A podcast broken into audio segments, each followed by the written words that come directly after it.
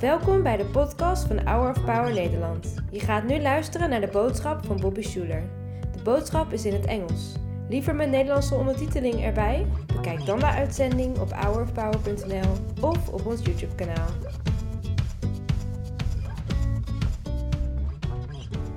Today, I want to talk about the importance of blessing a younger generation and honoring an older generation. And I would encourage you that no matter how old you are, you can still honor an older generation. Hopefully, I'll remember to talk about it at the end of my sermon, but I might forget. Stranger things have happened. And no matter how young you are, you can mentor the next generation. That there is always, in a healthy society, sort of not handout, but hand up to the ones behind while someone ahead of you is pulling you up. And I want to talk about the value that that brings to a family, to a society, to a church, and how we probably need that today more than ever. Our next generation needs you. They need your wisdom, they need your experience. But if you're older or on the older side and feel like you have wisdom to give the next generation, that generation will not be able to hear you unless they believe that you care about them, that you love them, and that you're on their side. It has to begin there. Okay, I want to come right out of the gate by talking about the Lindy effect. Now, uh, the Greeks, the ancient Greeks, had this idea in, in uh, Merchant's Greek, the word was teleos. And we often translate that word today as perfect, but there's not a good English word for it. It means that the thing fits in its essence itself. So, like if you have like a weird shaped foot and you had a cobbler design you a perfect shoe, that shoe would be teleos because it fits your unique foot perfectly. And they believed that the essence of everything, or at least a lot, a lot of Greeks did, had its own sort of teleos, its own perfect way. And this was reflected in many ways, but one of the ways that it was reflected was generationally, in their philosophical descriptions of beauty. They believed in their day that one of the ugliest things that you could see in a society was a young person pretending to be old in the way that they dress or, or look or act, or an old person pretending to be young in the way that they dress or act. We, we all felt, feel like we looked better looking when we were younger, not all of us, but. But that there was a better beauty in age. Physically, that there was a special kind of beauty as, as a person ages, the same way that wine would, and that you had something beautiful to offer the world, the most beautiful thing in the world in the ancient world, and that was wisdom. And I, so I want to talk about that today the Lindy effect. This is a principle that has personally guided much of my life and has uh, affected much of how I see the world. And it, it makes me, I think, different than many leaders my age. The Lindy effect basically says that when you take a non perishable thing, say art or ideas or technology, that the older it is, the more likely it is to succeed. This idea was developed by Albert Goldman, who's a polymath from the 60s. He wrote in the New Republic the first observation called the Lindy's Law when he noticed in New York City at Lindy's Delicatessen, this is, I think this is the one, the original, there was a, a lot of uh, stand up comedians mostly, but I think there were Broadway actors and different performers who would gather there and they would talk and you'd overhear their conversations and they were always trying to figure out how long a show or a gig would last so that when it was over, they could get their next gig. And the rule of thumb, the heuristic that they all followed, was basically the longer something has been around, the more likely it's going to be around. If this show's been around for three months, it'll probably last another three months or so. But if it's been around for five years, it'll probably be around for another five years or so. It wasn't a science, it was a rule of thumb, you know, a way to sort of view that actually what they re- realized is it wasn't the new shows that were going to last a long time, it was the old shows, and those were the gigs you wanted. This was formalized by the, one of the greatest thinkers of the 20th century. If you're not familiar with him, I really encourage you, if you like this kind of thing, to check him out. Benoit Mandelbrot. I think he passed away about 10 years ago. Also, polymath, mathematician. He's known for fractal geometry. I actually found out just this morning that the, the Mandelbrot set, that's this set behind me. It's a set of mathematical equations. Uh, was, was not discovered by Mandelbrot, but it was to honor him because it was based on his, a lot of his research. This Mandelbrot set, by the way, uh, it's a set of equations that when you plug it into a computer, it creates this bizarre shape. And if you have a computer that's fast enough, you can zoom in at any point and it will just go on forever. you check it out on YouTube sometime, it's really interesting. And no matter where you go, there's a kind of a unique set of images that emerge. A kind of, it'll look like a 1960s acid trip, just to shoot straight with you. But it's very cool. All sorts of new images and stuff emerge. And it's all just the computer processing these, these equations, these uh, chaos theory. You know, it's just new stuff, just constantly, and it's fascinating. But anyway, Mandelbrot then made this a formal thing where he was like, there is this law, this Lindy law, where it's not 50 to 50, it's more, probably more like a Pareto, but the, the longer something has been around, the longer you can count on it being around. So, for example, it's more than likely that a thousand years from now, shovels will still be here, but speakers probably won't. There'll probably be something that'll replace that. Or, you know, a, a, a 10,000 years from now, there will likely still be candles, but there probably won't be iPhones. The longer something has been around, the longer it's going to be around because it's had a, you know, many uses and many values to it. Uh, I remember, so this, this is true for ideas and technologies and art. Art that sticks around is art that touches people at every level, at every age, through age. It's going to be around for a long time. If you want to write a song that's going to be listened to 100 years from now, write a song that is similar to something they were listening to 100 years ago.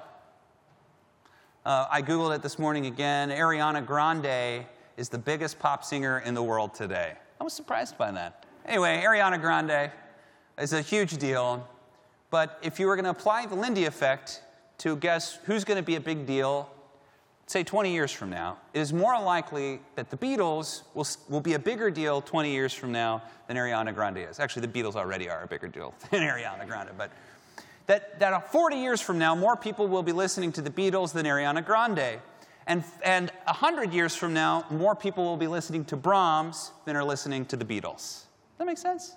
And thank you for the Brahms piece again. I just want to thank you for that. That was a great piece. And, uh, and so, so there it is. There's something about things that have been around for a long time that are worth retaining. And if they're not worth retaining, eventually they find their way out of the equation. They get evolved out of, uh, of life. And you can see this that, that, that although the world trains, changes drastically, it doesn't change in the ways that we think. I remember hearing Nassim Taleb, who's the one who I, I found this Lindy effect from. If you want to write a book that people are reading a thousand years from now, write a book that was being read a thousand years ago. Like, write a to- on a topic that people would have discussed that would have been relevant a thousand years ago. And you'll see that it'll be a topic that is more than likely to last. It touches on a much bigger issue, not just on how to get your art career your writing career off the ground, but the fact that, for example, the best selling book last year, do you know what it was? It's a 2,000 year old book. It's a very good book. It's a Bible, you know. every year. And old books, you know, on average, will continue to outsell new books, no matter how good they do. And so our world is always uh, forgetting, I think, sometimes especially, that an older generation really has a lot to offer a younger generation. A younger generation forgets that sometimes. And that older generation, I think, in its success and victories, and there have been many, forgets the value of blessing the younger generation with those gifts, or feels offended when it can't bring those gifts or those wisdom or experiences to the younger generation.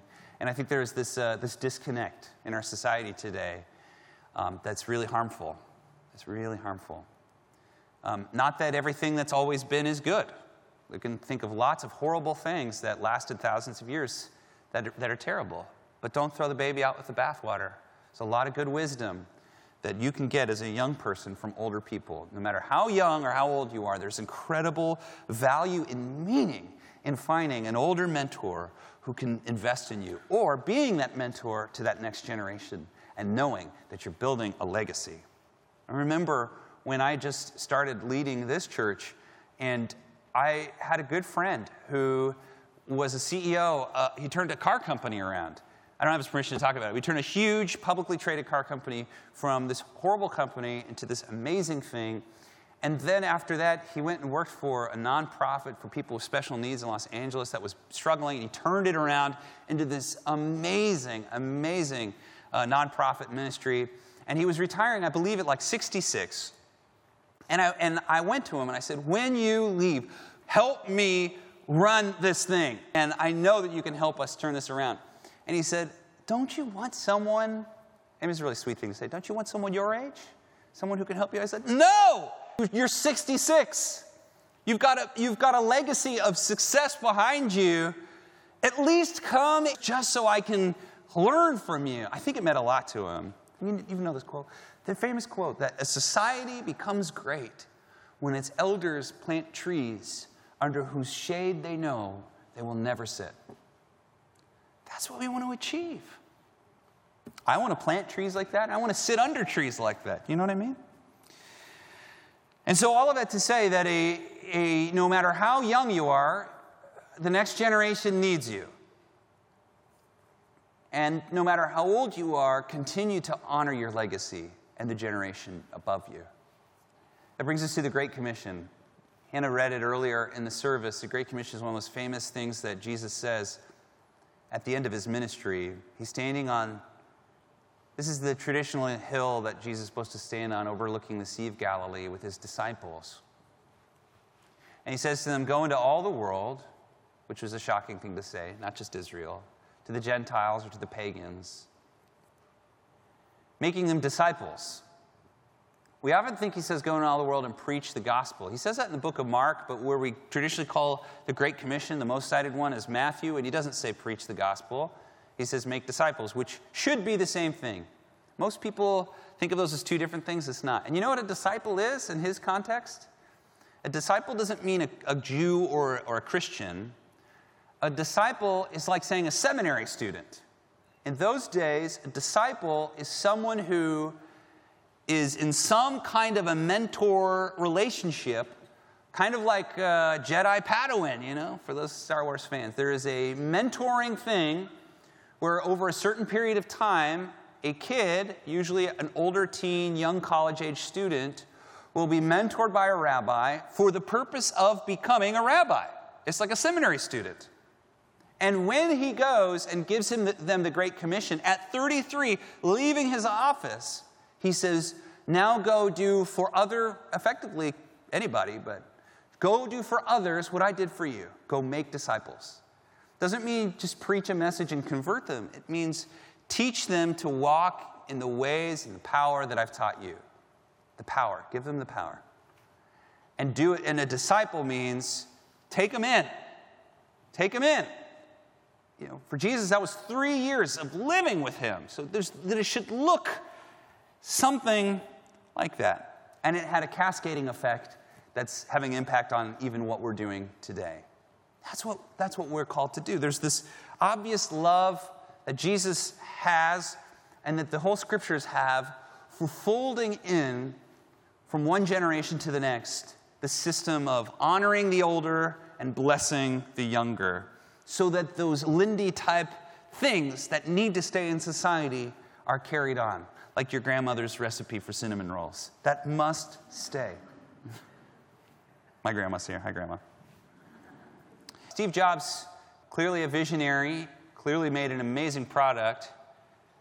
I remember uh, hearing a story that there was, when the iPhones came out, that there were like thousands of iPhones that had been made that had already been shipped out, they hadn't been sold yet. And he recalled all of them because when you put the axle, or what was it called, the, the thing into the aux cable, when you put it in, it didn't make a clicking, didn't like have a click feel to it. It just went in. And that drove him so crazy that he took all of them back because he wanted to have like a pop or like a click when you put it in.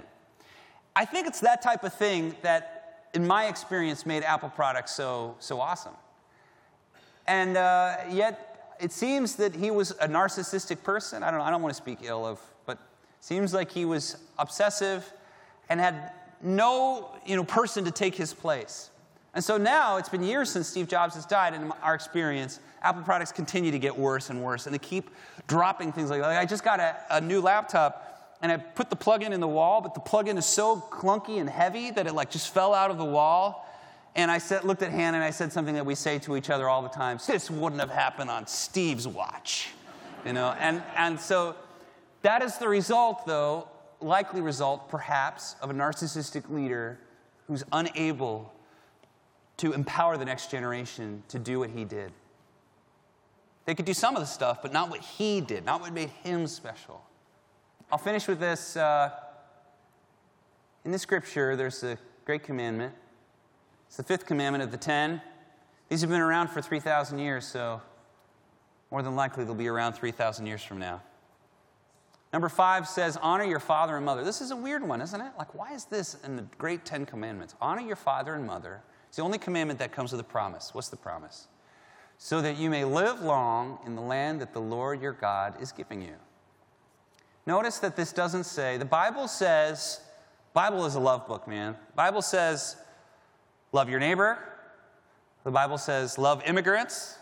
The Bible says, love your enemies. The Bible even says that God is love. But the Bible does not say, love your parents. You notice that? A lot of you cannot bring yourself to love your father and your mother. And for some of you, I understand that. But it says, honor your father and mother. Now, without talking about your specific parents, there's a, a broader principle at play here, which is that the next generation honors the generation before it. And what that means, and then there's also this commandment to bless, as, as, uh, as uh, the, the two elderly people that blessed Jesus in the temple, or anyway, that, that, that Jacob gets the blessing from Isaac, that there's this, the older generation blesses the younger, and the younger honors the older. And when that relationship is happening, good things happen within the community itself. The younger generation now is supposed to honor the older, not for the sake of the ego of the older generation, but for the sake of the younger. Like young people need someone to mentor them, they need someone that went before them that can guide them. Even if they say they don't, they don't know what they're talking about. That's why they need a mentor, right? They need someone to guide them and carry them through tough times. And that's why you might think, I'm so old, right? Or maybe I, I'm getting older. That's wonderful. You have a wonderful gift. Every day you get older, you have a wonderful gift to give to those who are younger than you. And that's my final point. That if you are older, for, don't forget that your role is to bless the next generation. That's, that doesn't mean necessarily giving them your advice. That means giving them your, it means that you're, they know that you're for them, that you're on their side, that you're rooting for them. And even though they might be being clumsy or making dumb mistakes or, or something, that, that first they know that you're on their side and that you love them.